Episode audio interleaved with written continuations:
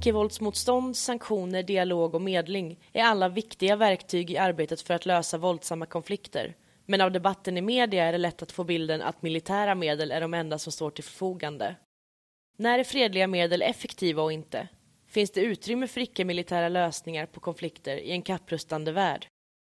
I samtalet som du nu ska få lyssna till medverkar freds och konfliktforskaren Peter Wallensten, Kristna fredsrörelsens generalsekreterare Lotta Sjöström Becker och ambassadören Lena Sund som också är medlem i Sveriges medlingsnätverk för kvinnor. Modererar gör Robert Regnell, professor vid Försvarshögskolan och chefredaktör för mänsklig säkerhet.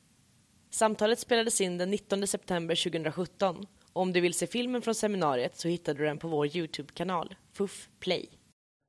Övning Aurora, mitt under en pågående kärnvapendebatt. Eh, och temat är fredlig konfliktlösning. Eller på Icke-militärt fredsarbete var en alternativ titel. Jag gillar nog konfliktlösning på fredlig väg bättre om jag ska vara ärlig. Eh, men varmt välkomna eh, till detta seminarium som arrangeras av Föreningen för utvecklingsfrågor. En ideell, eh, obunden förening som driver debatt och sprider information om, om globala utvecklingsfrågor. Och det de också gör, som är väldigt viktigt, är att de driver biståndsdebatten.se. Ett debattforum på internet eh, där alla som känner sig manade är, varmt välkomna att bidra till debatten också. Så tänk på det. Eh, dagens seminarium är en, eh, en del av ett projekt på temat fred och säkerhet och mer precis då icke-militärt fredsarbete eller konfliktlösning på fredlig väg. Ehm, Eh, idag är den första seminariet i en serie av tre och idag kommer vi vara lite mer svepande. Och så kommer de andra två seminarierna dyka ner i materien lite mera. Eh, men dagens seminarium kommer behandla tre stora områden. Eh, det handlar alltså om medling eh, och diplomatiskt arbete och sen så handlar det om sanktioner Eh, och slutligen eh, icke-våldsmotstånd eh, och fredsaktivism. Och då är det nästan så att man vet vilka som kommer att vara med när man hör det. Ju. Vi har alltså Lena Sund här som är sändebud i Stora sjöregionen och har varit ambassadör i Angola två gånger i alla fall. Och inte minst också en medlem i det seniora kvinnliga medlarnätverk som regeringen satte upp för ett par år sedan. Och som inte bara fungerar som, som medlare utan också mentorer åt medlare i konfliktzoner. Eh, vi har också med oss Peter Wallensten, professor, det är emeritus eh, man kallar det, utan det är tag Seniorprofessor, ja det betyder att du är anställd fullt fortfarande, det är utmärkt. Eh, och har alltså innehaft Dag Hammarskjölds professuren i freds och konfliktforskning Ehm, eh, under mycket lång tid och byggt upp hela det ämnet och den inriktningen i Sverige. Och som alltså är expert på väldigt många områden men idag är det eh, sanktioner och de ekonomiska instrumenten som, som Peter kommer att prata om. Slutligen Lotta Sjöström Becker som är, är praktikern i gänget eh, vill hon säga. Jag tror Lena skulle vilja haka på i det gänget kanske. Men, eh, men som har jobbat aktivt med fredsarbete i en lång rad eh, konflikter och länder. Afghanistan, Georgien, Sri Lanka, Palestina MR-arbete och, och, och, fredsaktivism är helt enkelt ditt forte. Och du är alltså generalsekreterare i Kristna fredsrörelsen nu. Så varmt välkomna till er och varmt välkomna igen till allihop. Strukturen för detta, det blir fem minuter per talare och så kommer jag ställa någon liten kort uppföljningsfråga också. Men vi ska också försöka få det här levande och de får hoppa in på varandra och protestera och ha sig om de, de vill. Eh, och sen kommer vi också ge er chansen, men det gör vi inte genom handuppräckning utan eh, ni får alltså, hur är det? Vi, vi, där. Tweeta eller smsa eh, med hashtag. Eh, så går de hit och så kommer vi ta de bästa, mest relevanta och intressanta frågorna upp till podiet eh, för fortsatt diskussion. Eh, då skulle jag vilja hälsa talarna varmt välkomna upp på scen.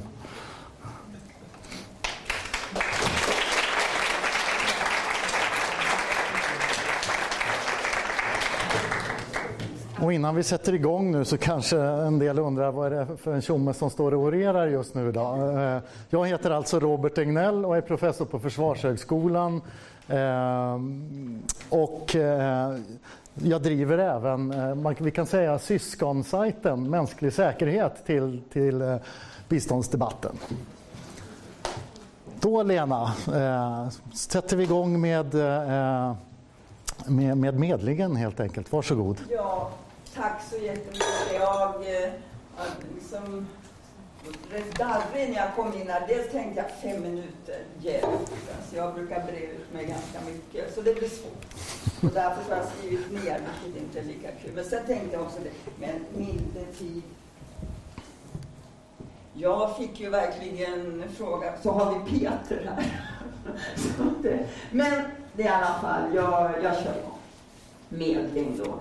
När jag började med att arbeta med frågor som rörde medling så slogs jag av, till att börja med då, på hur många olika sätt och sammanhang som man kan prata om medling. Det fanns ett svenskt medlingsnätverk som Folke Bernadotteakademin drev och där man verkligen kunde träffa från väldigt många olika, olika håll just de som arbetade med medling.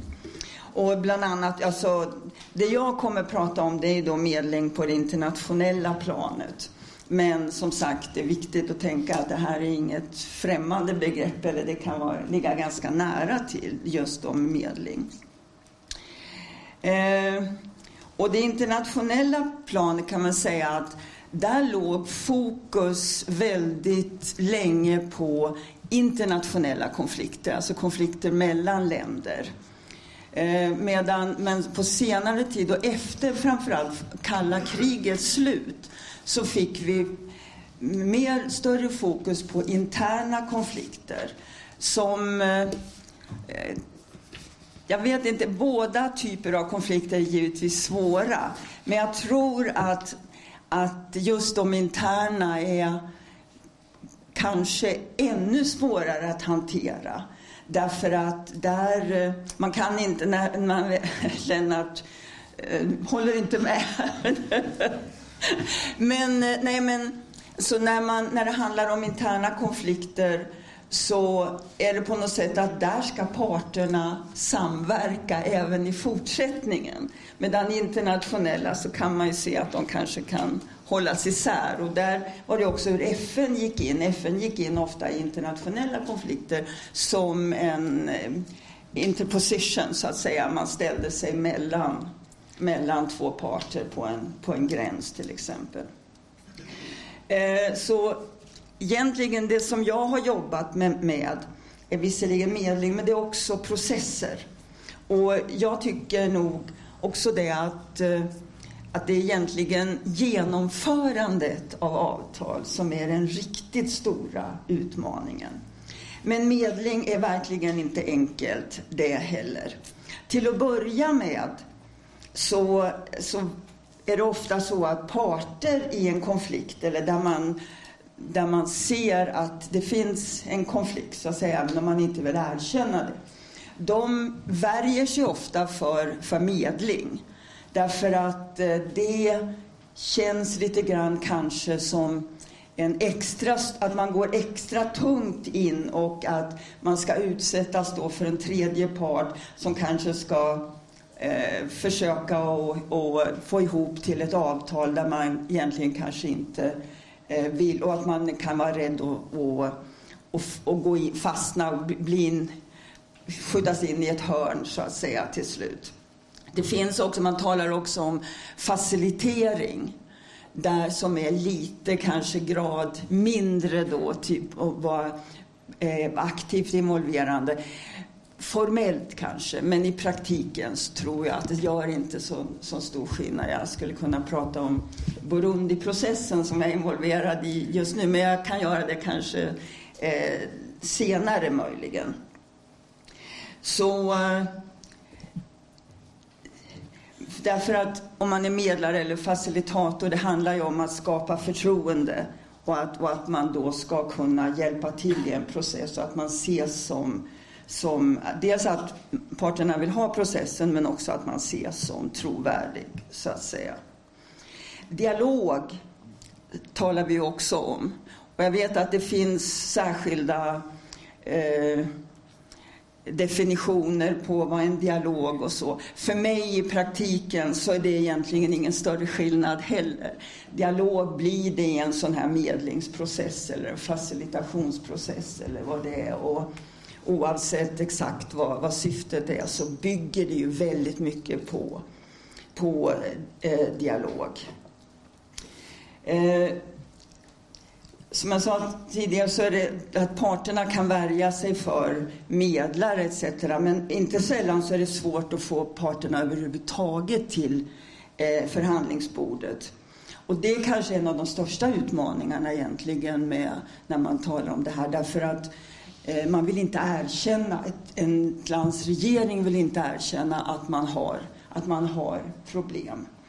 Och det är väl kanske egentligen först då när, tyvärr, när det har blivit en väpnad konflikt som det är så uppenbart att det finns ett problem, att det är lite enklare att, att komma in, in då.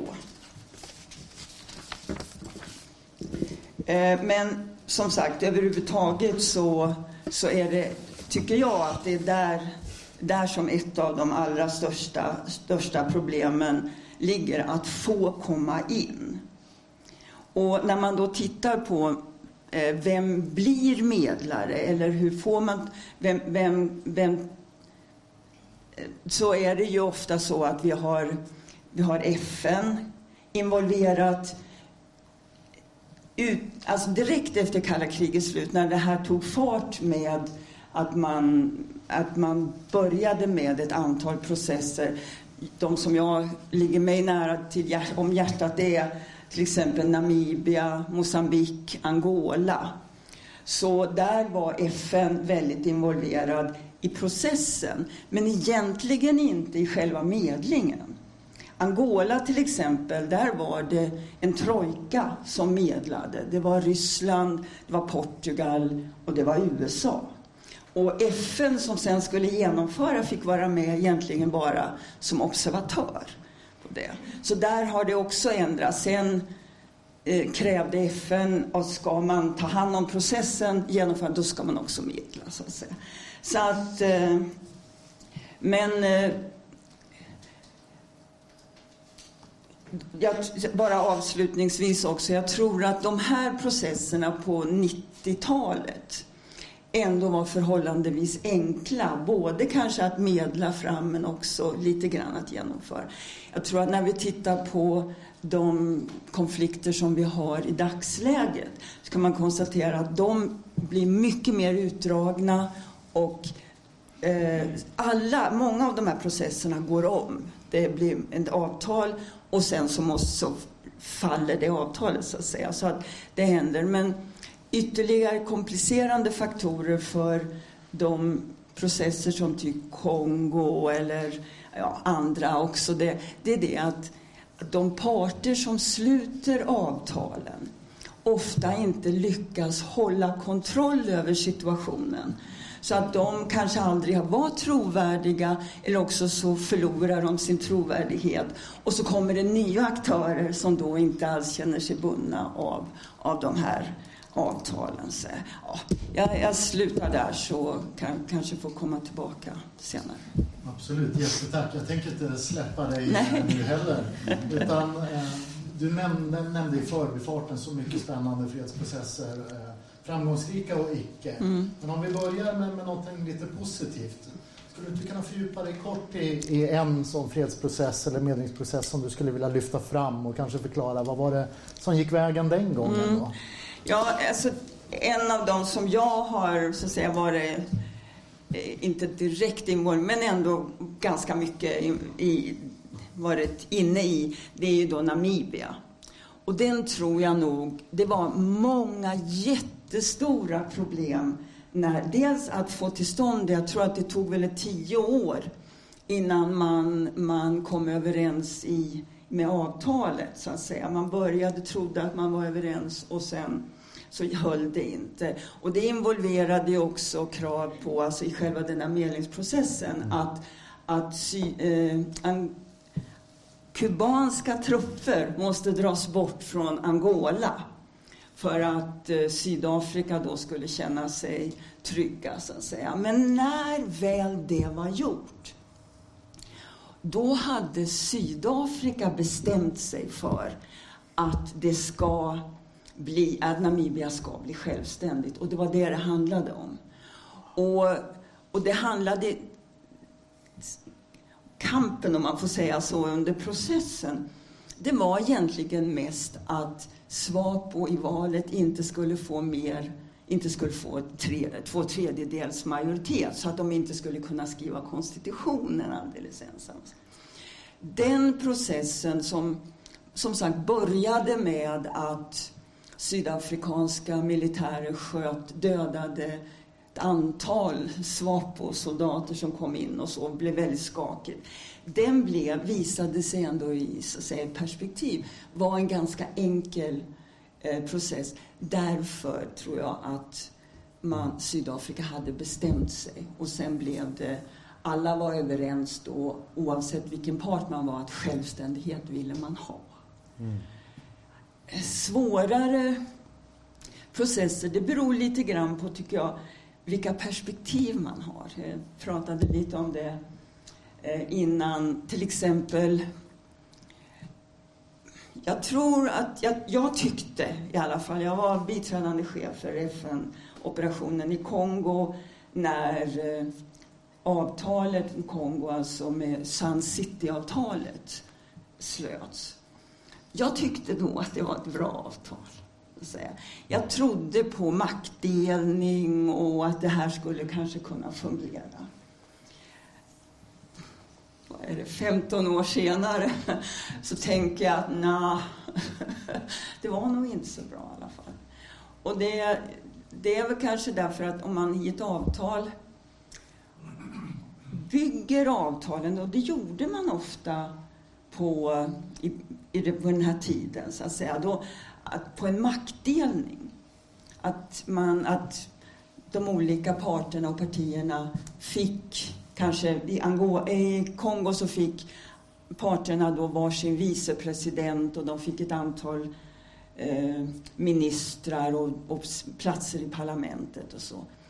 Men faktum är att om man bygger en maktdelning på att dela makt som inte finns, då funkar det inte. Och jag tror att man måste alltså titta. I Kongo, där hade man sedan självständigheten haft Mobutu som ledare under många år.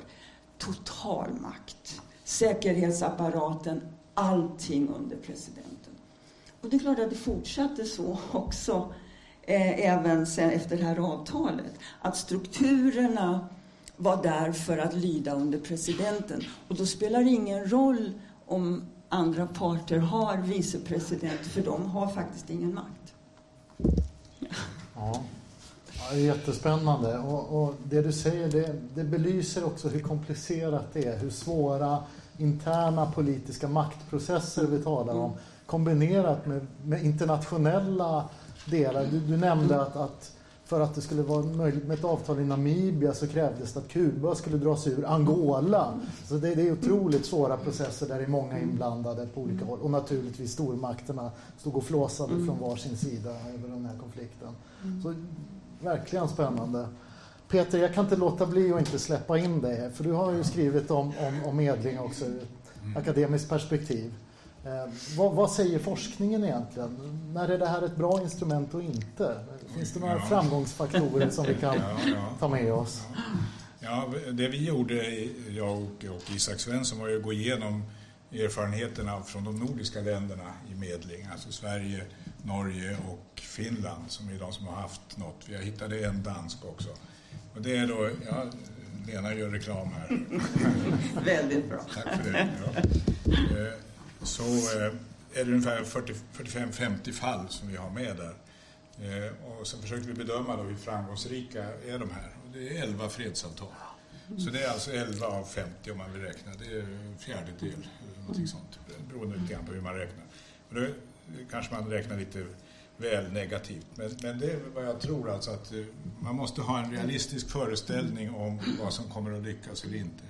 Och man kommer inte att veta det på förhand, mm. för det är ju det som är din botten i din fråga här. Mm. Under vilka omständigheter kommer det här leda framåt? Det är väldigt svårt att veta om man inte prövar. Mm. Så att jag är ju för att man ska pröva. Mm. Och så får man se mm. hur det går och så får man försöka använda det, de möjligheter som uppstår efterhand. Så det är ingen idé att bara säga att det kommer nog inte att gå. För det är väldigt mycket som inte kommer att gå. Men försöker man så kanske det händer något. Så därför är det ändå värdefullt att Mm. så mycket energi lades ner på de där fallen som ja, du nämner. Ja. Får jag komma in här med Angola som ju ligger mig väldigt varmt om hjärtat.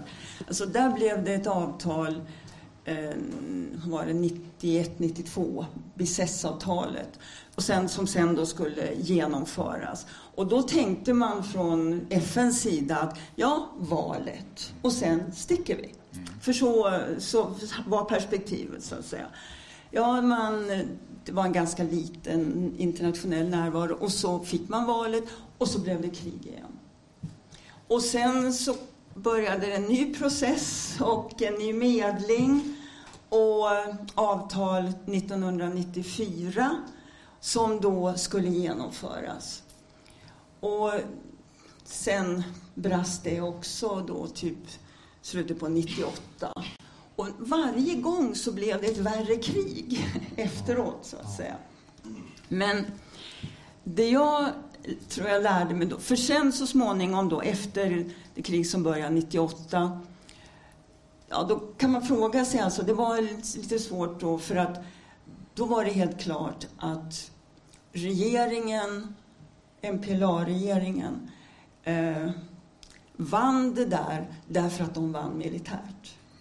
Sen lyckligtvis där så fanns det faktiskt en president som, vad man än säger om hans korruptionsbenägenhet och så, ändå hade förmågan att lyfta sig och inte, typiskt som i Sri Lanka, där bara slå ner på oppositionen, utan istället säga Trots att man hade vunnit i princip så gick man vidare och förhandlade fram ett avtal och eh, räddade ansiktet då på den andra parten och sådär. Och det tror jag är ett av de länder som det kan, det kan bli klart problem, säkert eh, kanske till och med väpnat i framtiden, men inte av det skäl som orsakade kriget, tror jag.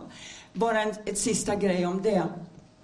Det som jag tyckte var så besvärligt med det, det var att den ena parten, och ledaren för den ena, det Savimbi, uppenbart fuskade. Vilket vi inte såg då. Men när man sen tittar på dokument och så där, så att under hela den här processen med då sanktioner, vapensanktioner mot Unita och så där, så upprustade de till en nivå som de aldrig hade varit på tidigare. Så där, där kan man lite fråga om har vi ett ansvar där så att säga, som för, det fanns en FN-operation där. Mm. Ja, det här belyser ju också nu, idag pratar vi egentligen om, om de omedelbara, akuta instrumenten när vi så att säga, står inför krig eller redan befinner oss i konflikt. Men mm. det som, det, det, de medlingsprocessen, det, är ju så att säga, det leder bara till fröet egentligen som mm. sås och sen så är det de här väldigt långa, svåra fredsbyggande processerna efter avtalet där det, det enorma arbetet ska in eller de väldigt långa, svåra eh, förebyggande processerna som vi pratar om i andra mm. sammanhang. Och det är viktigt att komma ihåg, även om vi inte fördjupar oss i det just idag. Men då tror jag vi hoppar över till, till nästa instrument och, och sanktionerna. Peter, varsågod. Mm, ja, tack så mycket. Ja, tack för inbjudan att komma hit. Och du gav en liten bild inledningsvis där Robert av alla andra saker som äger rum, men du glömde en sak. Den stora händelsen idag på eftermiddagen är ju FNs generalförsamling. Mm. Där en viss president Trump har talat. Och det är möjligt att ni har lyssnat på honom andäktigt. Eh, det har inte jag, men eh, jag har fått rapporter om det. Och han fick faktiskt en spontan applåd. Eh, och den kom när han talade om vikten av att alla länder stod upp för sin egen nationella suveränitet. Och det fick han applåd på. Och då tänkte jag, nu har vi nog faktiskt hamnat något fel här. För det är klart att det har vi ju vetat hela tiden att alla jobbar för nationella intressen. Men vi har lärt oss att det kan vara i vårt nationella intresse att ha klart för sig hur de andras intressen ser ut om vi ska kunna bygga någon slags säkerhet och samarbete. Det har ju varit självklart, men den komponenten finns inte med där. varken i, Trumps yttrande eller i den där applåden. Och det gör att jag tycker att vi befinner oss alltså i en ovanligt kritisk situation. Och vi ser det. Eh, användning av medling har definitivt gått ner och du nämnde att ett antal ex exempel på att det har gått eh, sämre nu än tidigare. Det har inte varit samma internationella uppslutning kring det här. Och det gäller också då de här sanktionerna som jag är mm. intresserad av. Alltså ska de lyckas så krävs det då en, en ganska stor internationell samstämmighet om att de här sanktionerna ska vi faktiskt genomföra. Eh, om varje land bara tänker på sin egen nationella suveränitet så har de ganska lite anledning att följa en del av de här sanktionerna. Eh, så att eh, det är väl en, en viktig komponent här i dagsläget att få den där internationella uppslutningen. Och den kan man inte få om man bara satsar på det nationella intresset. Det det har hållit på med alltså sanktioner och framförallt då en variant av det som media snabbt döpte till smarta sanktioner. Det är ganska smart som term. Det innebär att de andra sanktionerna då är dumma. Men, men den gamla modellen var att man skulle om, ska säga, isolera ett helt land och så skulle det bli så hårda villkor i det där landet och då skulle det till slut regeringen kapitulera och ge efter. Och det ser vi då på gång på gång att detta fungerar inte. Det som händer om man försöker blockera ett helt land är att befolkningen istället sluter upp kring regeringen snarare än, än underminerar den. Eh, så därför så var idén nu att göra riktade sanktioner. De skulle riktas då väldigt noggrant mot de som var ansvariga för eh, den politik som man vill förändra. Och det är ju ledningen. Eller också skulle de riktas mot vissa produkter som den här ledningen var särskilt beroende av. Eh, och det kunde vara till exempel just vapen men det kunde vara andra saker också. Eh, och det här började komma fram i slutet på 90-talet. Och eh, eftersom du definierar de andra som praktiker och inte jag så har jag faktiskt varit lite praktisk här. Vi gjorde ett stort projekt på UDs uppdrag för FNs eh, räkning på att liksom se hur skulle man kunna göra sådana här sanktioner så de blev effektiva. Och då var vi otroligt praktiska. För att till exempel om man nu ska blockera tillgångarna till en viss person Eh, så går det ju inte bara att göra det bara för att man vet namnet och var personen kommer ifrån. Eh, för vi upptäckte att till exempel i Sverige eh, fanns det vid den här tiden 23 personer med namnet Slobodan Milosevic. Och då skulle bankerna frysa Slobodan Milosevic pengar. Vilken Slobodan Milosevic skulle det vara? Så vi behövde alltså hitta på konkreta grejer för att man skulle komma åt rätt, rätt typ av person. Eh, och det här har blivit den typ av sanktioner som vi har nu. Så de senaste till exempel mot Nordkorea de innehåller en lista på personer eh, som vars tillgångar utomlands eh, blockeras och deras rörelsefrihet utanför landet blockeras och så vidare. Så de är alltså riktade på det viset smartare. Eh, man kan då fråga sig, har framgången då blivit bättre? Eh, och det kan vi diskutera. Men, men jag skulle säga att framgångsgraden, om vi kan säga så. Man tänker, varför startar vi den här åtgärden utifrån och eh, får det effekt på en, en, politisk förändring i det här landet av den sort vi vill ha? Så ligger framgångsgraden i olika undersökningar någonstans mellan 20 och 30 procent. Eh, och det har fått mig att fundera på hur mycket är framgångsrikt överhuvudtaget? Eh, så då tittar jag på den som startar ett krig, hur stor sannolikhet är det att den faktiskt vinner kriget? Och det är ungefär 30 procent. Eh, ni kan bara tänka efter första och andra världskriget, vem startade dem och hur gick det för dem? Eh, så att ni kan se att vi hanterar alltså en värld där framgångsgraden är lite annorlunda än den internt. Eh, och alla tänker så att internt är vi väldigt effektiva. Eh, men eh, vi kan ju se statistiken på polisens uppklarningsprocent. Den ligger någonstans på 5 eller 10 procent för många av vardagsbrotten och så. Så det är inte säkert att det är särskilt mycket som är så himla effektivt som vi tror. Så vi måste på något sätt ha en rimlig föreställning om vad kan vi förvänta oss som, som framgång. Eh, så att har vi den rimliga föreställningen så hittar vi då en del fall där det har lyckats och så kan vi lära oss saker av det. Och eh, eftersom vi skulle föreslå några exempel så ska jag ge ett par stycken som vi kan diskutera. Ett är då från den regionen där Lena redan har pratat, Sydafrika. Alltså interna förändringen i Sydafrika. Ja, det var ju en sanktionssituation som drevs länge, länge och det var en typisk folkrörelsesak att driva den här. Och 1994 så får vi en ändring.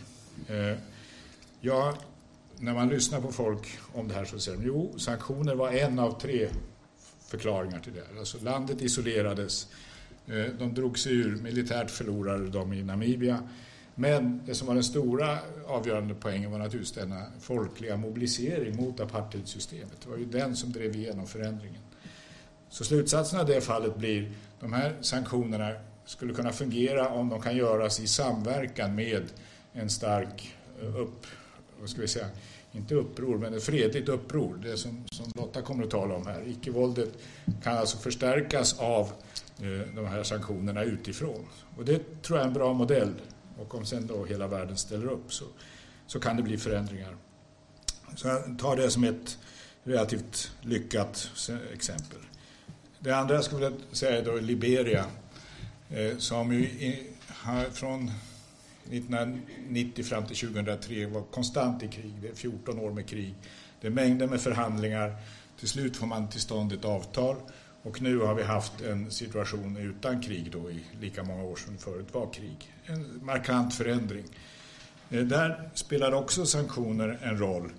Eh, och det gjorde de genom att de riktades mot ledningen, Charles Taylors. Eh, en av hans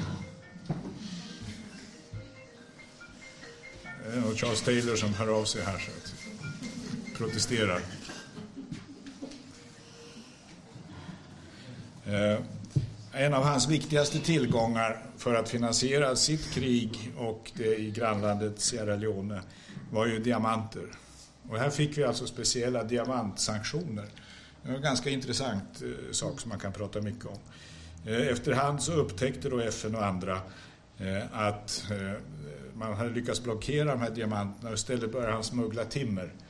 Det är lite knepigare, för det är lättare att följa vad han gör och det är vissa speciella träslag. Och så till slut stoppar man också timmerleveranserna. Och poängen där är ju att det gör att han inte längre har de ekonomiska resurserna att driva kriget vidare utan blir villig att vara med på förhandlingar och förhandlingar som leder då till de här förändringarna. Så även där finns det då så att säga, sanktioner som en samverkande faktor. Den är inte i sig själv eh, ensamt avgörande utan det är, att det är en hel bunt andra saker som, som äger rum. Och det är så jag föreställer mig att de här sanktionerna kan fungera som ett instrument, alltså att de gör det tillsammans med andra saker. Vi ska inte förvänta oss att medlingen i sig själv eller sanktionerna i sig själv gör det, men sätter man ihop de här två sakerna så kan man få en, en strategi som kanske fungerar lite bättre. Stort tack. Um, jag hörde en ur luften någonstans, nu får du direkt rätta mig här, du som sitter med siffrorna, men det är väldigt lätt att man ofta tänker sanktioner, det är fredligt. Militära insatser, det är krigiskt och otäckt. Men det var någon som sa att det är nog så att sanktioner har nog dräpt mer människor de senaste 30 åren än krig har gjort. Vad skulle du säga om det? Nej, nej. nej det har det inte gjort. Eh, nej, absolut inte. Jag vet inte. Jag måste, du måste ge mig den där källan. Ja. Det där måste jag ju skriva och klaga på. Eh, nej, nej, det, det, tror jag inte de har. Men det som har varit det stora omdiskuterade fallet är ju sanktionerna mot Irak. Mm. Eh, och som hade stora humanitära konsekvenser, det är ingen tvekan om det. Och, men det är ingen, inte ens Saddam Hussein-regimen har liksom lagt fram och sagt här är människor som dog. Utan det är liksom statistiskt framräknat. Eh, bo, befolkningen borde ha växt till i en viss grad och sen gjorde den inte det och så antar vi att det här beror på sanktionerna. Eh, sanktionerna var, eh, tycker jag, felaktiga och de ledde ju till de här förändringarna. Men jag tvivlar på att de skulle ha lett till en halv miljon, halv miljon barn som saknas, så att säga, rent statistiskt sett. Eh, vad som hände egentligen med de där sanktionerna var precis det här som jag beskrev. Det var liksom en, en total sanktion. Det var olja, det var det enda Irak tjänade pengar på. Så kontrollerar man deras oljehandel så eh, spärrar man av landet ganska mycket. FN gick då med på att vi skulle leverera mat och sånt till landet. Men denna mat fick då Saddam Hussein själv kontrollera och mediciner också. Och det innebar att han kunde alltså styra de här leveranserna så att de gick till sådana som stödde honom. Så jag har en god vän som åkte ner till Bagdad 2003 i februari innan kriget bröt ut. som ju berättar till sin stora häpnad att här pågår alltså njurtransplantationer på sjukhuset i Bagdad samtidigt som folk dör i difteri i byarna.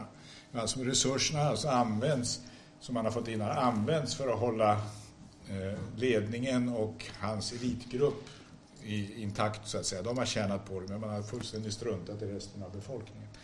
Så då kan man säga, är det sanktionerna eller är det regimen? Jag skulle säga då att i högre grad är det regimen än sanktionerna. Så, så här skulle man kunna resonera om de här fallen. Men eh, eh, sanktionerna har sällan varit så otroligt effektiva att de har dödat eh, några personer egentligen skulle jag säga. De här ledarna som har satt upp på, på, som har satts upp på listan vi har gått igenom ungefär 900 av dem för att se vad som händer med dem. Eh, väldigt få har dött. Eh, men en stor bunt sitter i fängelse, eh, bland annat just Charles Taylor. Så att jag tror att det där, den där källan får vi undersöka närmare. Jag kan inte låta bli att fråga om två specifika sanktionsfall också. Ett är Iran som en del då beskriver som en väldig framgång att vi fick ett, ett, Eh, kärnbränsleavtal. Eh, och det andra är det pågående, eller det ständigt pågående fallet Nordkorea och hur du tänker om, om de två eh, mm. specifika fallen. Mm. Ja, Iran, eh, det är ju sanktioner då i FNs säkerhetsråd också och som har varit specifikt därför, just som du sa, kärnbränsleavtalet. De har inte varit till för att ändra regimen eller någonting sånt, utan det är för det här avtalet. Eh, och jag är nog beredd att hålla med om att de har varit väldigt effektiva. Och de har alltså listat folk igen. Det har varit eh, ingenjörer och så vidare som har hållit på med de här projekten och det har varit vissa produkter men framförallt har det varit banksanktioner. Och de är mera tveksamma, de har större effekter. Men där, där hänger det ihop med precis den här modellen jag sa, att du får en intern förändring i Iran. En ny ledare väljs som då är villig att gå med på det här avtalet i gengäld upphävs sanktionerna. Så får vi liksom det där dubbla, någonting annat händer internt och så får vi den här förändringen. Så jag skulle säga att det är ett hyfsat framgångsrikt fall. Eh, Nordkorea då, ja, det ser ni att det stämmer ju då inte med det här för det här är ju samma intakta hierarkiska ledning eh, som ju använder de här sanktionerna för att förstärka ledningens ställning. Och eh, Trump kallar honom nu för Rocket Man eh, det är liksom barnsligt. Eh, och han lär inte avgå bara för att han blir kallad Rocket Man, Kim Jong-Un. Utan regimen sitter väldigt starkt. Och är man i det läget så måste vi ju fundera på andra saker. Då är det förmodligen inte sanktionerna som kommer att ändra det här utan då måste vi till med någonting annat. Och enligt min uppfattning så är det att vända på det hela och använda det ord som, som Lena hade där. Alltså dialog, diskussion, prata med de här nordkoreanerna och fundera på hur kan vi få in annan typ av information där. Jag skulle vilja liksom vända hela approachen. Eh, det lär inte gå att få FN att göra det men eh, Sverige har ju speciella förbindelser. Vi har en generalsekreterare som skulle kunna agera. Jag skulle snarare försöka på den bogen för att eh, se om vi kan åstadkomma någon förändring i Nordkoreas attityd när det gäller just de här missilerna. Stort tack Peter. Och något som saknades alltså i Nordkorea det är ju att det, det finns ingen en, det finns ingen eh, motståndsrörelse där att knyta an till. Eh, och det var något som du nämnde ändå fanns i Sydafrika som var en viktig aspekt, att där kunde man alltså gå hand i hand med en lokal rörelse. Och det för oss ju naturligtvis in till Lottas område eh, och det du har jobbat med i många, många år. Varsågod. Mm. Jag känner mig väldigt ödmjuk stående mittemellan dessa två seniora och erfarna eh, representanter för olika delar här. Och eh, därför känns det bra att representera en snart hundraårig icke-våldsrörelse, Kristna Frihetsrörelsen, som startade 1919 av ett gäng, nu ska säga så jag säger det rätt, eh, eh, radikal pacifistiska kristna. Det måste komma i rätt ordning där eh, som eh, sen 80-talet har jobbat väldigt aktivt med just att utveckla metoder för icke-våld. Och vad är icke-våldsmotstånd och fredsaktivism? Just nu kommer vi gå lite från de här stora perspektiven och stora medlingsprocesserna och sanktioner mot stater. Kristna Freds jobbar eh, med att ta fram verktygs, olika verktygslådor eh, för hur man kan använda metoder för att påvisa orättvisor eller göra motstånd utan att bruka våld mot en annan. För att säga det väldigt enkelt. Eh, och man skulle kunna säga att vi, vi vilar på en balans mellan två olika icke-våldsskolor kan man väl säga. Den, den skolan som, som Gandhi startade som handlar väldigt mycket om, eh, om eh, eh, alltså prins, det principiella eh, icke-våldet. handlar mycket om värde och moral, om, om att hitta en gemensam eh, målbild. Att, att få in både motståndarlaget, höll jag säga, och vi. För att båda får en win-win situation. Och sen har vi Gene Sharp som är mer nutida, eh, senare eh, eh, som eh, icke-våldsaktivist som har tagit fram väldigt konkreta verktyg för att göra icke-våldsligt motstånd. Men där handlar det väldigt mycket om just att använda icke-våld som en, som en motkraft mer än att försöka få, så att säga, eh, och, och, och, skapa förändring, få bort det här som, som man vill, vill göra motstånd mot. Eh, brukar ofta kallas för det pragmatiska perspektivet. Vi tycker väl att eh, Gandhi har en mer eh, hållbar eh, approach som vi vill utveckla. Eh, och att eh, i de olika så att säga, områden där vi är så, så använder vi det olika mycket. Men just eh, om man börjar med det mellanmänskliga, där vi tycker att freden börjar, den börjar mellan, i mig och mellan dig och mig. Eh, där vi har utbildat i eh, civilkurage, hur man varje dag kan använda metoder för att synliggöra orättvisor eller att göra motstånd mot Alltså i vardagen mot saker som, som när någon behandlas fel eller eh, eh, någon blir, blir utsatt för någonting eh, som, som kränker deras eh, dignity, värdighet.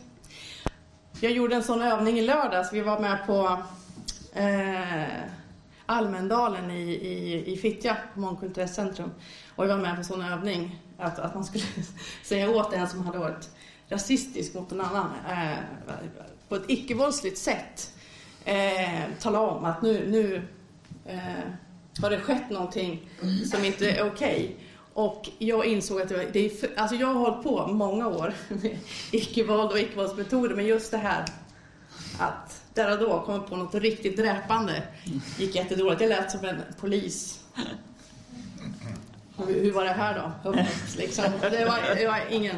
Så, så att icke-våld anser vi är någonting man måste öva sig på.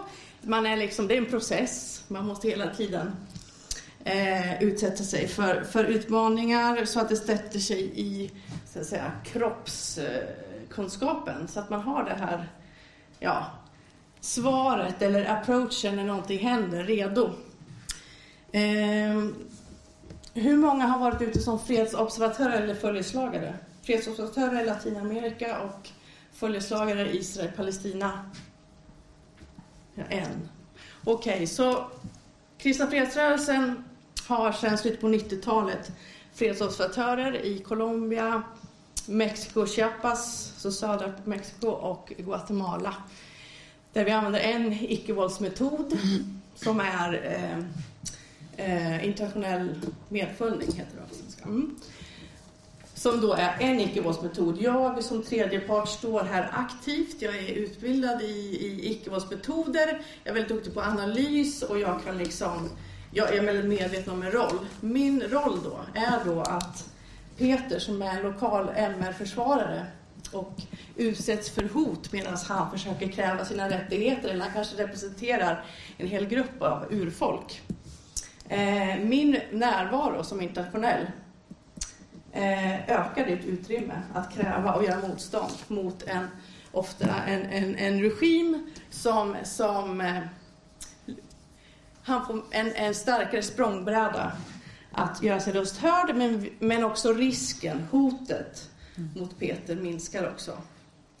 Eh, så att eh, det är en väldigt lågmäld, alltså jag här då, är en väldigt lågmäld roll. Eh, där jag så att säga inte har någon aktiv eh, aktivistroll att, att, eh, att utföra, utan min roll är att utöka ditt utrymme. Eh, sen, och, och jag och eh, Margareta, ingen som sitter här, vi var även följeslagare i Israel-Palestina där man använder samma eh, metod. Och jag kan säga att att vara tränad i icke-våld och sen försöka gå igenom en checkpoint och använda aktivt sin icke-våldsmetod, vilket är att jag ser den andra väldigt aktivt, vad han vill säga mig. Så att jag kommer ihåg en gång när vi försökte komma in i Nablus så, så var det en, en soldat som hade säkert stått i solen 7-8 timmar, jättetrött, jättestressad. Det var liksom en kö av palestinier som ville liksom tillbaka hem igen. Eh, det var liksom väldigt stressat, väldigt spänt. Och så kommer vi två tjejer från Sverige och bara hej, vi ska in till Nablus. Och, och, och bara gav honom merarbete. Han var ju ursinnig på oss. Eh, men vi, vi skulle eh, hälsa på en annan organisation där. Eh, och det var väl första gången tror jag som jag träffade någon som avskydde mig aktivt. Inte för den jag är som person utan vad jag representerade. Men i och med att jag hade övat mig att på något vis ta ett steg tillbaka och se var han kommer ifrån och vilken situation han är i, så kunde ju vi vara mycket mer konstruktiva och vi bidrog inte till att öka konflikten mellan oss och vi kom in så småningom. Inte för att han var särskilt glad över det, men det lyckades. Eh, Icke-våldsligt motstånd är en metod som kräver jättemycket övertygelse och jättemycket disciplin. Och vi har flera exempel på det. Till exempel Ung i Sverige som händer nu. Här, väldigt nära. Vilken disciplin, vilken övertygelse. Det är liksom ingen eh, walk in the park. Eh, och jag tror att många, alltså utmaningen för icke-våldsmotståndet eh, idag, det är ju att eh, det, det som, som eh, Peters kollega Isak Svensson har skrivit om i den här boken, som jag måste rekommendera. Icke-våldets vägar, fred i terrorns tid. Där han skriver väldigt bra om hur icke-våldsmotstånd kidnappas. Alltså ofta att det börjar väldigt konstruktivt, folk är liksom med och, och det blir stora demonstrationer. Och man kommer någonstans, kanske till och med lyckas få någon att avgå.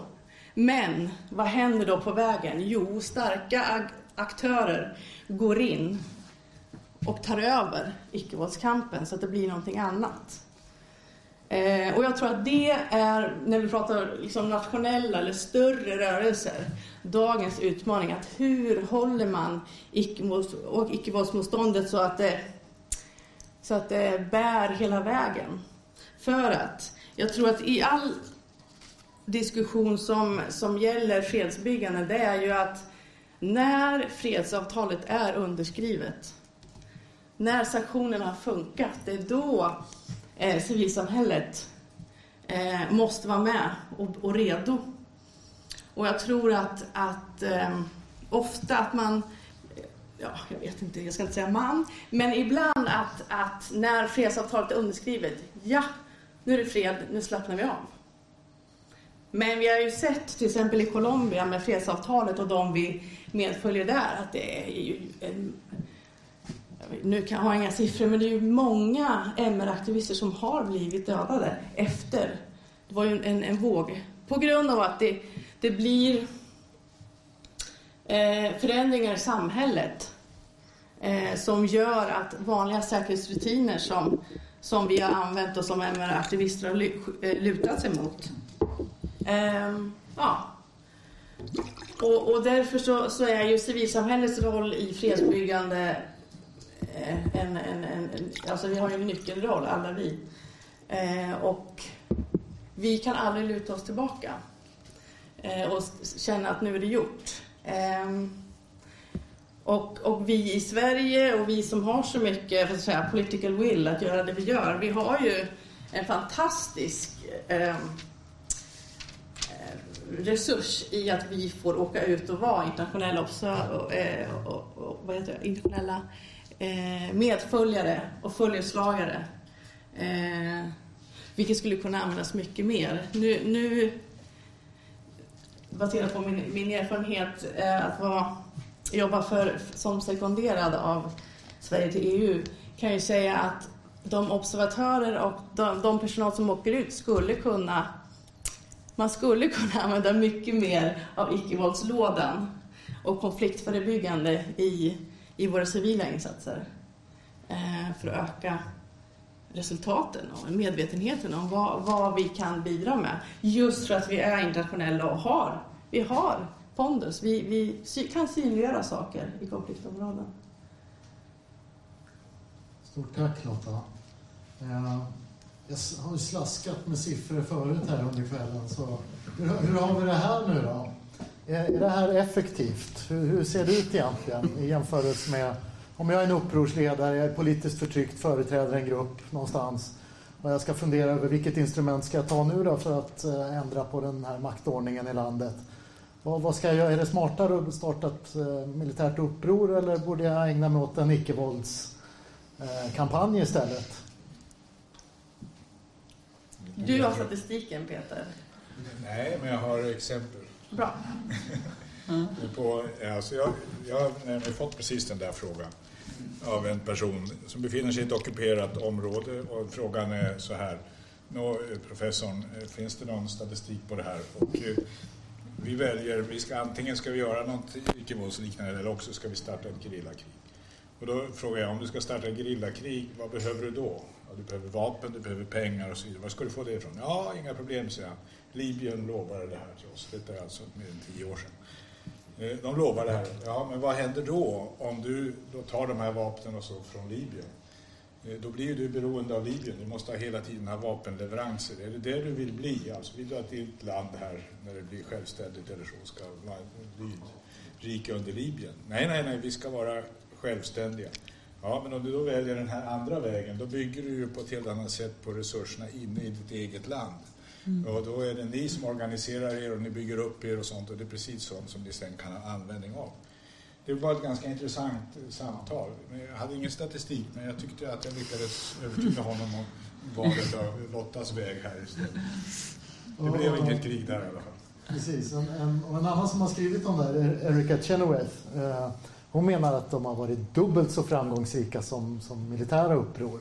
Sen är det väldigt mycket hur man definierar och vilka som är interna och så vidare. Det, det är olika kontexter naturligtvis hela tiden. Men det är ändå intressant för jag tror att de flesta skulle nog tänka sig att ett enklare, smartare instrument är ändå att ta till med våld. Det är då man når framgång här i världen. Men så tycks det alltså inte vara enligt hennes statistik. Men Lotta, jag skulle vilja höra mer om ett, ett favoritfall för dig. Där du, liksom ett exempel som vi kan fördjupa oss lite grann i, där du tycker det funkade verkligen och, och kanske förklara varför det gjorde det också. Mm. Och då tänker jag att jag behåller mig, behåller mig på gräsrotsnivå. Där känner jag mig bekväm. Eh, vi kan gå ett, ta ett exempel från när jag jobbade i Sri Lanka, på Sri Lanka. För en, en eh, innovativ, slash crazy, eh, global fredsorganisation som heter Nonviolent Peace Force. Fantastiskt intressanta. Eh, jag var eh, fältkontorschef på, i nordöstra Sri Lanka. Eh, som var en hotspot Eh, där så att säga tamiliska tigrarnas högra hand kom från. Eh, annars kom ju ledarskapet för tamiliska tigrarna ifrån norr, men den här kom därifrån.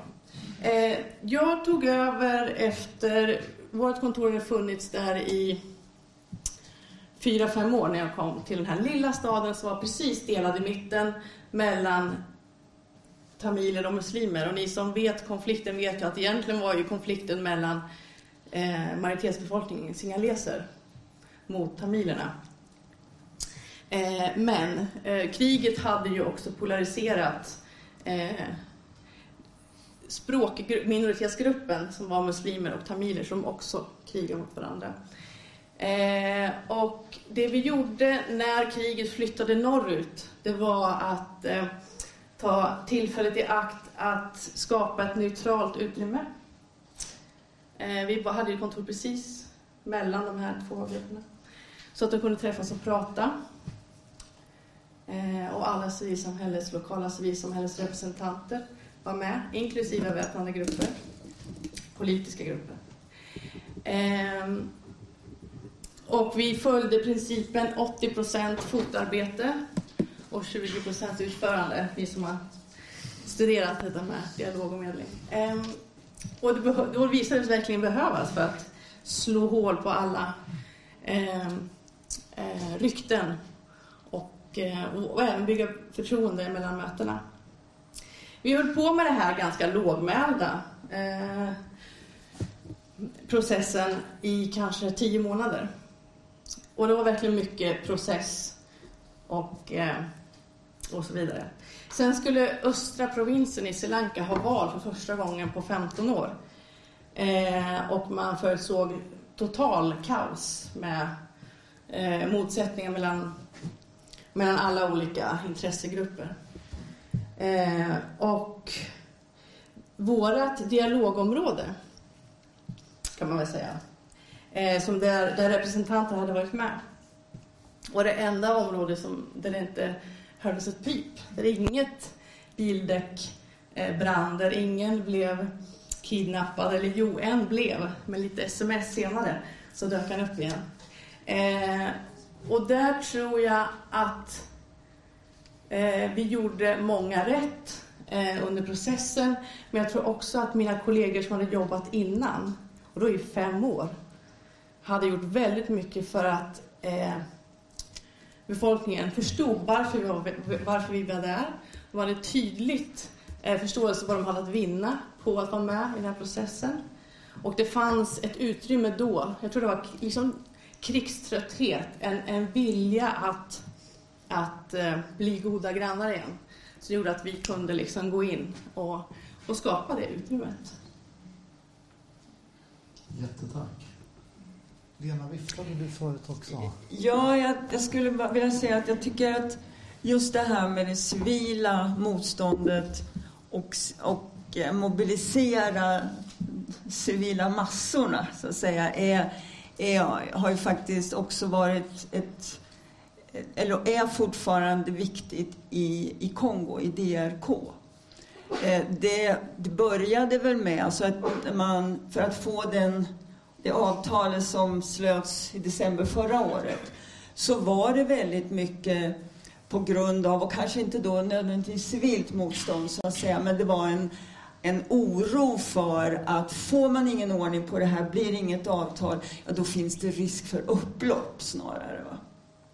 Men nu när, man, när oppositionen då försöker att använda det här igen så tänker man i banor av att att eh, massorna då, eller en civilsamhället, ska inte ska konfrontera militären direkt, eller säkerhetsstyrkorna, och bli skjutna, utan att man ska kunna använda lite andra metoder som kanske föra oväsen och så, va? vilket jag tycker ligger lite åt det här hållet i alla fall.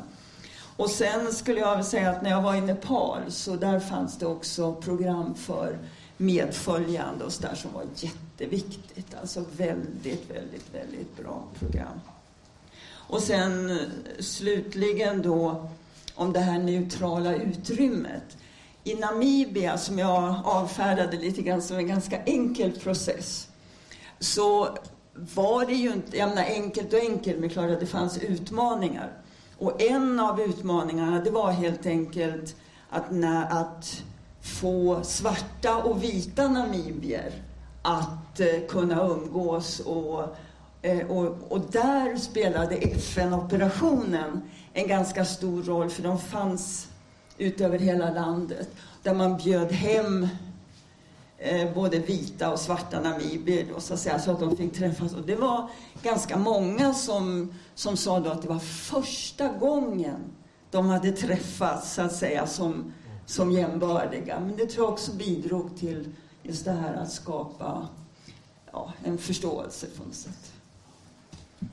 Vi har fått en massa bra frågor från er och jag ska försöka välja och vraka lite grann i detta. Men om jag ska gifta ihop några av dem så är det flera som har undrat över kvinnors roller i fredsprocesser och vilken effekt det egentligen har. Eh, och sen så är det också några som har frågat om samverkan mellan de här instrumenten. Det tycker jag, det är båda de frågorna är suveräna. Och man kan väl ta ett exempel för att belysa lite grann så får ni fundera medan jag pratar en liten stund. Och det är väl exemplet Liberia. Där vi hade en ganska svår fredsprocess som till slut ändå många hävdar att, att det var inte förrän kvinnorna mobiliserade sig och satte sånt tryck på de som satt runt förhandlingsbordet Eh, att det till slut liksom tvingades fram ett avtal. Och det är alltså det, ett kvinnligt icke-våldsmotstånd eller en samling för att trycka på en medlingsprocess där då egentligen det är krigsherrarna som sitter runt förhandlingsbordet. Det är ett ganska spännande exempel tycker jag och det fanns säkert sanktioner inblandade också Peter i det fallet. Eh, så skulle ni vilja reflektera över de två frågorna? Dels kvinnors roller och sen över hur de här instrumenten kan samverka då på olika sätt. Lena, vill du mm. börja? Ja, och, alltså jag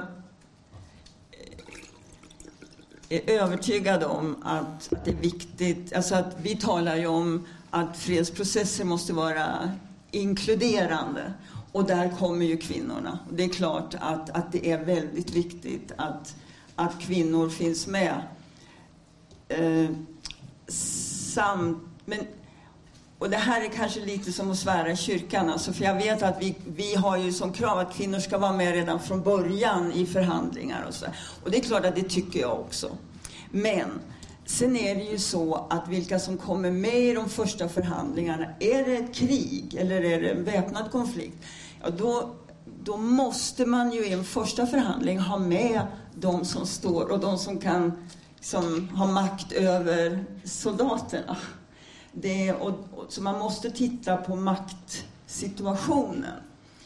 Det, det jag tycker man idealiskt skulle göra egentligen i, såna här, i den situationen, det är att försöka begränsa en, en så att säga, förhandling kanske om vapenvila till att inte hantera så väldigt många andra frågor. Och det är klart att det kan vara svårt, men att försöka skilja på fredsförhandlingar och vapenvileförhandlingar. Därför att får man då inte med kvinnorna från början så spelar kanske inte det så väldigt stor roll när det bara handlar om vapenvila. Men när man sen ska börja diskutera kanske en maktfördelning eller hur man ska gå fram, åtminstone fram till ett val och kanske det, då är det ju jätteviktigt att, att kvinnorna är med, så att säga. Det, jag vet en gång så förhandlade jag en, en vapenvila som var bara ett, ett avbrott i en st större vapenvila. Det fanns en vapenvila i Kongo och så blev det eh, en konflikt igen. Det var en av rebellgrupperna som gick in i den andra, i det andras område. Och det blev alltså det, det var, kunde ha varit två miljoner människor som skulle eh, fly om de inte hade fått slut på det där. Jag kom då och ledde förhandlingarna med det och hittade då ett gäng män förstås, bara som var där. Och då är det lite så här, det kändes inte så fruktansvärt viktigt att det inte var kvinnor med. Men däremot när jag kom till flygplatsen så stod kvinnorna med banderoller och Madame Lena, il faut la paix, om nous content de vous. Och så, alltså man kände ju det. Och då tyckte jag att det måste i alla fall vara viktigast. Men, och jag säger det här lite grann kanske i polemik också mot att, att man, jag tycker att man förenklar ibland det här med, med kvinnors deltagande. Men när det handlar om att ta, bestämma hur samhället ska se ut då är det ju jätteviktigt. Och jag tror också, ursäkta om jag blir långvarig, men jag tror också det är en sak som man glömmer eh, när, när det, man...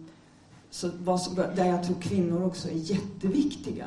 Och det är det att, att när man väl har fått fred, men upplevs freden som orättfärdig, då tror jag att det i väldigt hög grad är kvinnorna som kommer att föra det vidare till nästa generationer. Att, att eh, ta med barnen till en grav kanske och säga här dog hela din släkt och de slaktades och så. Va? Och så fortsätter det här så att säga. Så. Tack. Lotta? Ja, gärna. Jag har ett lysande exempel med Liberia. Jag vet personer i rummet som kan det här mycket bättre än vad jag kan. Men det visar så tydligt att de här kvinnorna, de använder ju ett väldigt kreativt och kraftfullt icke-våldsmotstånd för de känner till, ja men de var ju eh, eh, aktivister ur sin egen kultur och, och pressade männen att, att få fram en lösning och hotade med eh, att, att ta av sig kläderna. Och det är liksom i den kontexten, för, för mig låter det så här bara, va? Liksom, det för konstigt? Men i den kontexten, det var ju en omöjlig situation där männen skulle helt förlora eh, sin, sin värdighet om de lät detta hända. Eh, så det påvisar på dels övertygelse, veta vad man vill, men också kunna kontexten och använda de här olika strategierna för att tvinga eh, aktörer att, att komma till en lösning. Så det tycker jag är fantastiskt. Eh, och ett jättebra exempel. Eh, när det gäller kvinnors deltagande i fredsprocesser så tycker jag att man ska eh, tänka på att de, de, representerar hälften av jordens befolkning. Så egentligen är det helt galet att vi ens behöver prata om att kvinnor behöver vara med i fredsprocesserna. Och från början, det som jag har sett så speciellt i Afghanistan när jag jobbar där, det är ju att man slänger in kvinnor. Liksom. In med er, nu ska ni ju bestämma, nu ska ni på höga positioner. Puff. Och sen har du en kvinna som sitter där som absolut inte har någon erfarenhet av att bestämma, eller beslutsprocesser, eller att, att, att leda personer eller vad som helst. Och vad blir resultatet då? Ja, men de blir kuttersmycken, eller i bästa fall. Eller så råkar de illa ut, eller så är det bara ett, ännu ett bevis på att kvinnor klarar inte av sitt jobb. Så jag tror att när det gäller, att, när det gäller kvinnlig representation så handlar det om att, att förbereda kvinnor väldigt mycket. Och, och tänka på vilka kvinnor man, man eh, låter representera. Eh, för, för när vi pratar om civila samhället och när vi pratar om medlingsprocesser så, så eh, räcker det inte med en kvinna från en jätteetablerad familj som kommer från storstan eller kanske har pluggat utomlands och aldrig bott i, i landet och så vidare. Utan det handlar, det handlar om, eh, om att, att inkludera kvinnorna till, och även ge dem verktygslådan, förbereda dem. Men det, det som till exempel som har hänt i Afghanistan det är att kvinnor har utbildats och förberetts något vanvettigt. Mm. De, de har gått alla kurser och de fortsätter gå alla kurser. Men männen är inte utbildade eller liksom har blivit så att säga utmanade i sina normer. Låt oss säga det. Så du har en väldigt, vad ska man säga, välförberedd kvinna i ett samhälle som inte alls vill ta emot dem eller ge dem utrymme. Så att eh, det är en väldigt komplex fråga och jag tror att vi har, som du säger, förenklat det jättemycket. Och eftersom det känns lite komplicerat och svårt så, så tror jag att många, så att säga, bäst bara vill säga ja men vi har skickat tio kvinnor dit. Tjick. Ja. Så mycket arbete eh, återstår, men, men jag tror att speciellt vi i Sverige som har jobbat väldigt aktivt, både med, med eh, att mainstreama, att integrera, att vi har mycket att bidra med där, mm. med erfarenhet. Mm. Bara en liten grej också. Alltså, jag tror man, må, man får inte glömma bort att, att i de flesta, tror jag nästan, av de samhällen, åtminstone där jag har varit, så är det väldigt elitistiskt. Och det är väldigt många män också som inte alls är beredda eller färdiga att ta över sen när, när freden kommer. Och, eh, till exempel, ett exempel, jag var med i en, en av rundorna för Darfur-samtalen eh, för ett antal år sedan. Och då fanns det några kvinnor som var med. Men det är klart att de sa, de sa ingenting i, under de här förhandlingarna.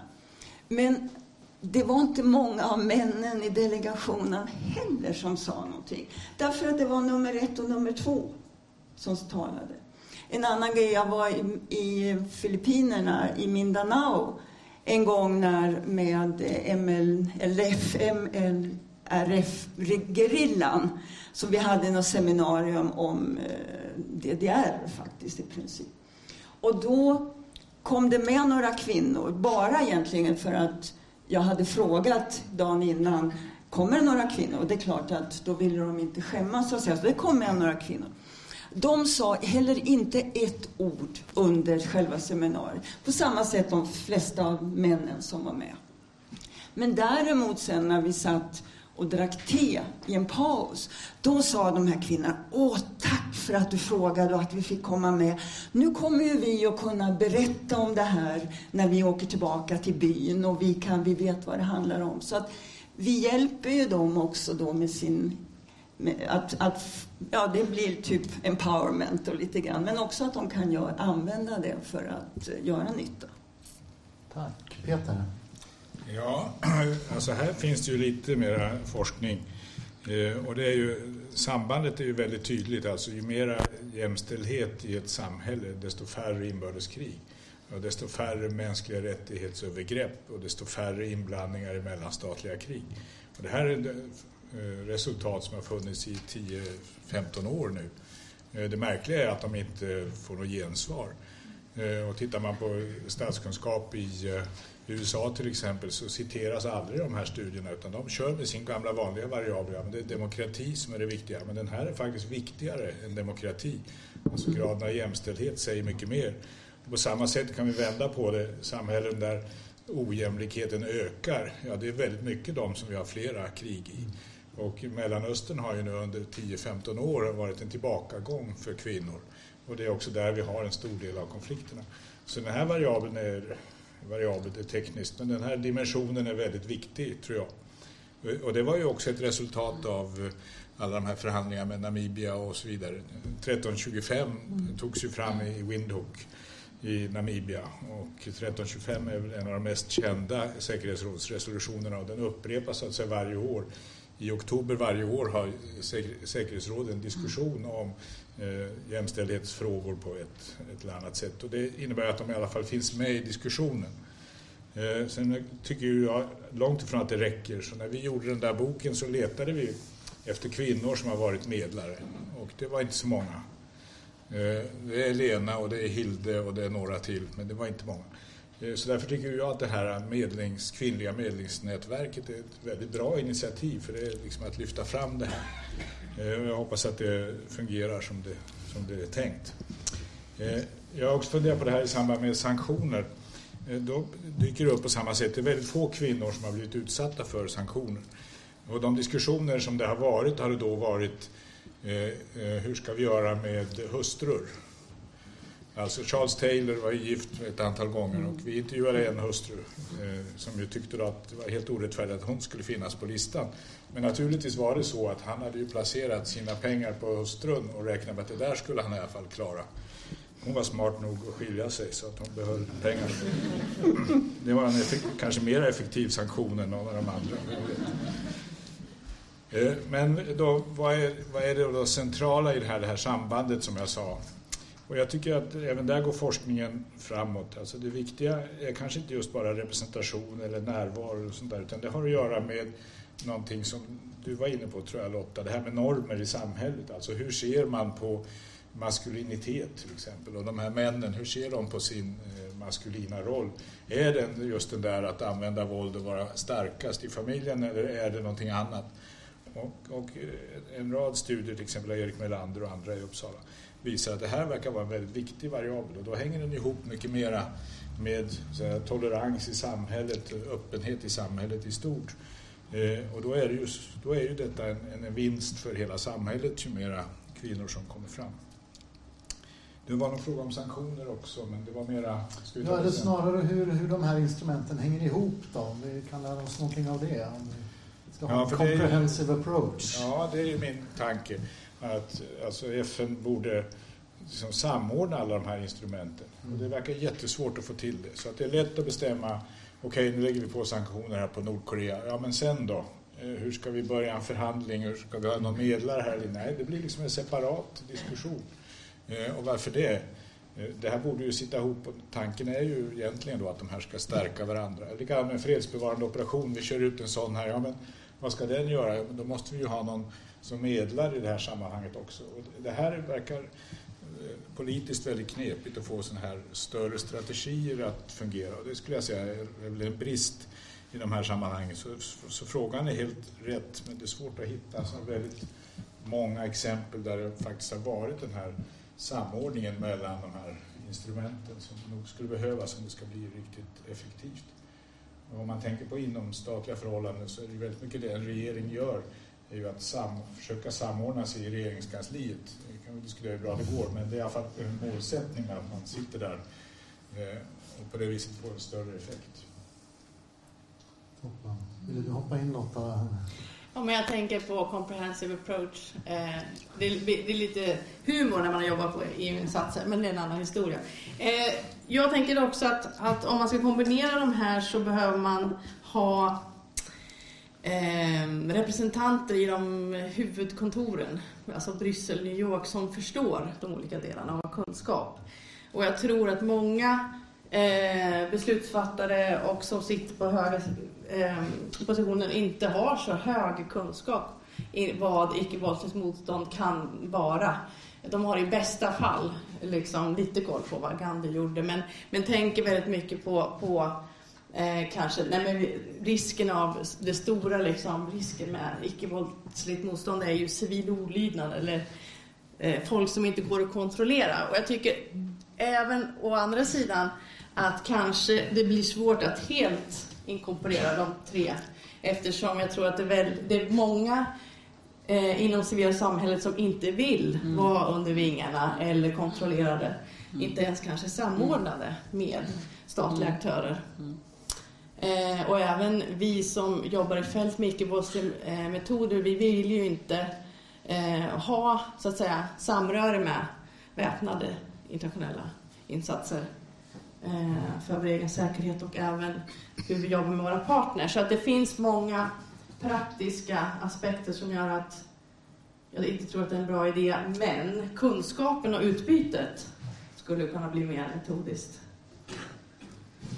Toppen. Jag tar ett par frågor till från publiken här. Ett, om vi, om vi tar arabiska våren som är ett, ett spännande exempel på på fredligt motstånd och framgångsrika eh, processer som störtade gamla regimer men som sen övertogs av andra krafter på något sätt och inte blev riktigt vad vi hade tänkt.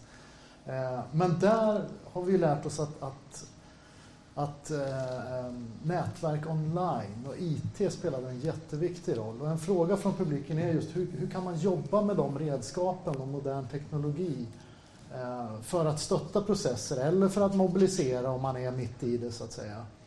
Vad tänker ni där?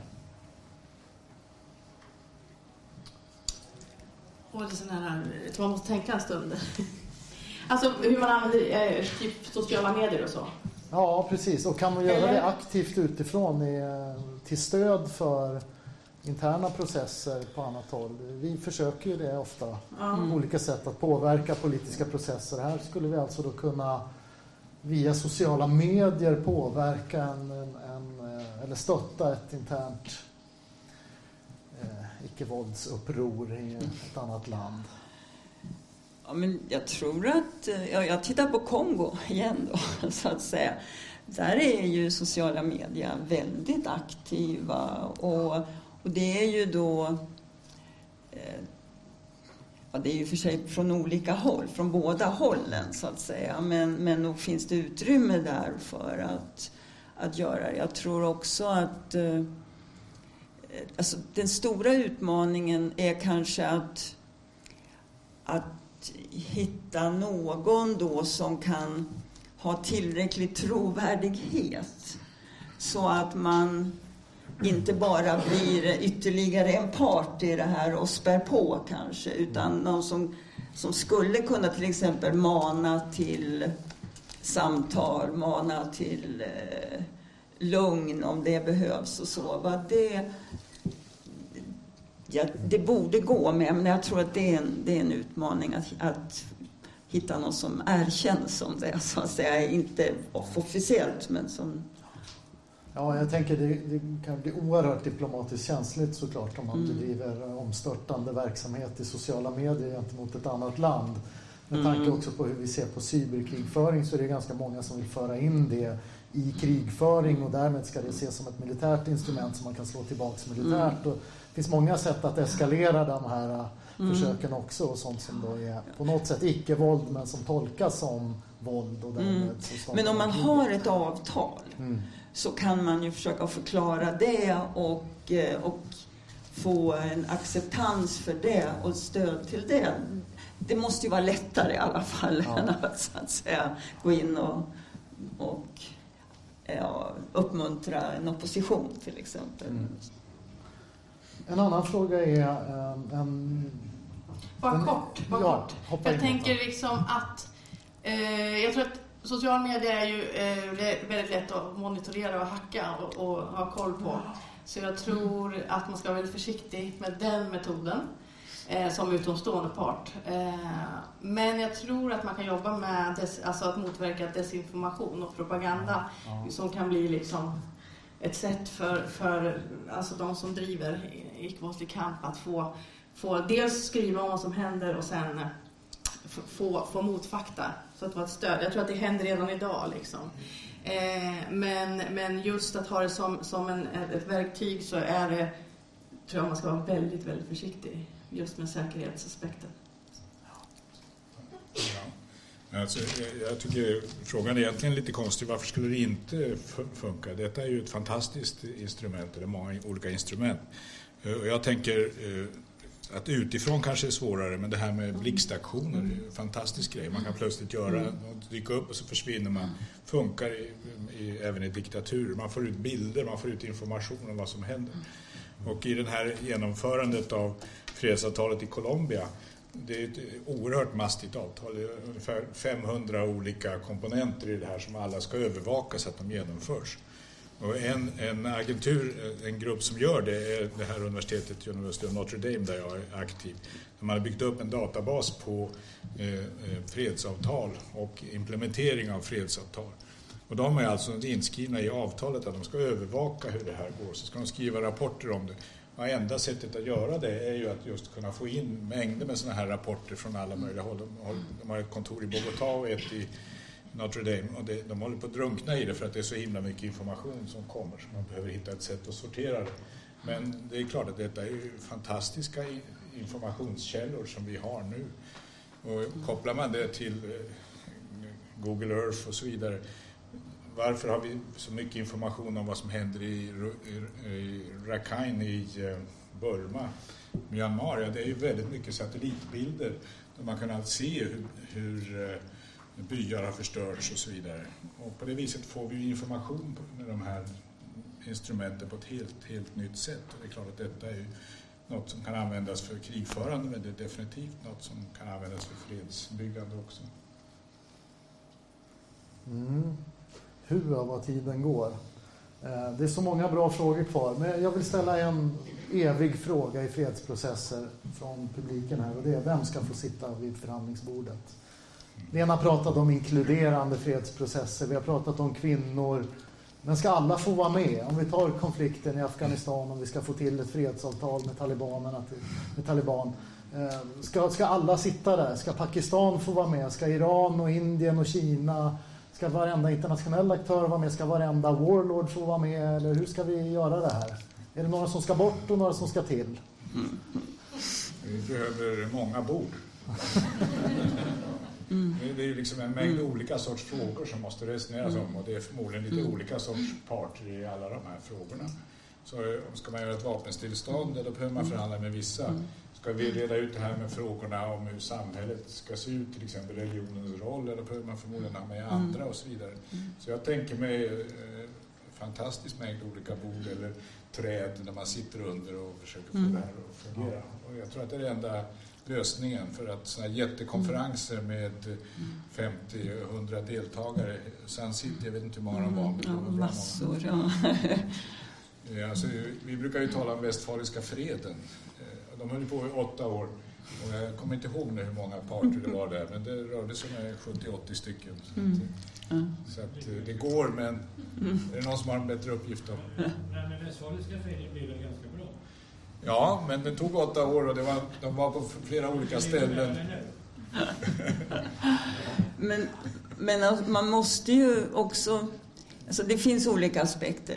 Men man måste ju oavsett på något sätt, tycker jag, vad man tycker om dem, så måste man ju ha med dem som kan sätta en total käpp i hjulet för freden. Så att säga. Jag kommer ihåg Brahimi sa en gång just om Bonn, Bonnförhandlingarna att efter det så gick eh, Mary Robinson, det var några år senare, Mary Robinson, när hon var högkommissarie för mänskliga rättigheter, då gick hon ut och lite kritiserade att krigsherrarna var med och man borde inte tala med dem. Och då sa Brahimi vid ett tillfälle, ja det är lätt för henne att säga. Men jag satt där och skulle få till ett avtal.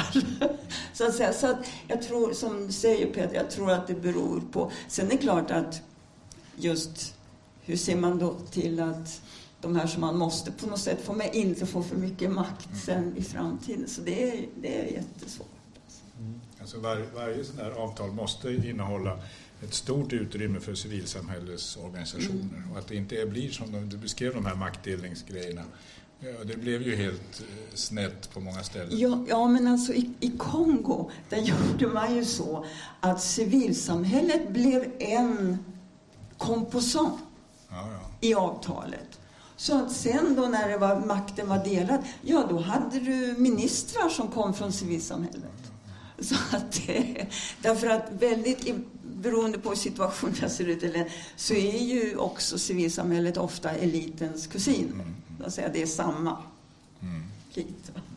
Lotta, sista ordet. Ja, jag tror just med exemplet Afghanistan så tror jag det måste börja med att de som har makt, både den inofficiella och officiella makten, ska ha någonting att vinna på att det ska bli fred. Som det är nu, en högst personliga analys, så har ingen av dem någonting att vinna på att Afghanistan blir ett fredligt och demokratiskt land. Stort tack. Och det får bli slutorden. För den var optimistisk. och då kan jag bara säga att kvar på en lång lista så finns till exempel hur sjutton ska urfolken kunna försvara sig när alla är emot dem? Ta assyrierna till exempel. Hur ska vi jobba med dysfunktionella stater? Hur skulle, en spännande fråga som jag egentligen skulle ha kommit till också är hur, hur partiska processer skulle kunna se ut och, och problemen med nedrustning. Den här är en riktig tankeväckare. Och det finns så mycket vi skulle kunna prata om, men vi är otroligt tacksamma över att ni har tagit er tid att vara med oss i publiken och att våra experter Tack så enormt mycket för, för den visdom ni har visat oss och, och även de många konkreta exemplen och avfärdandet av dålig data och så vidare. Det är mycket vi har lärt oss här ikväll. Så stort tack till er och till våra experter.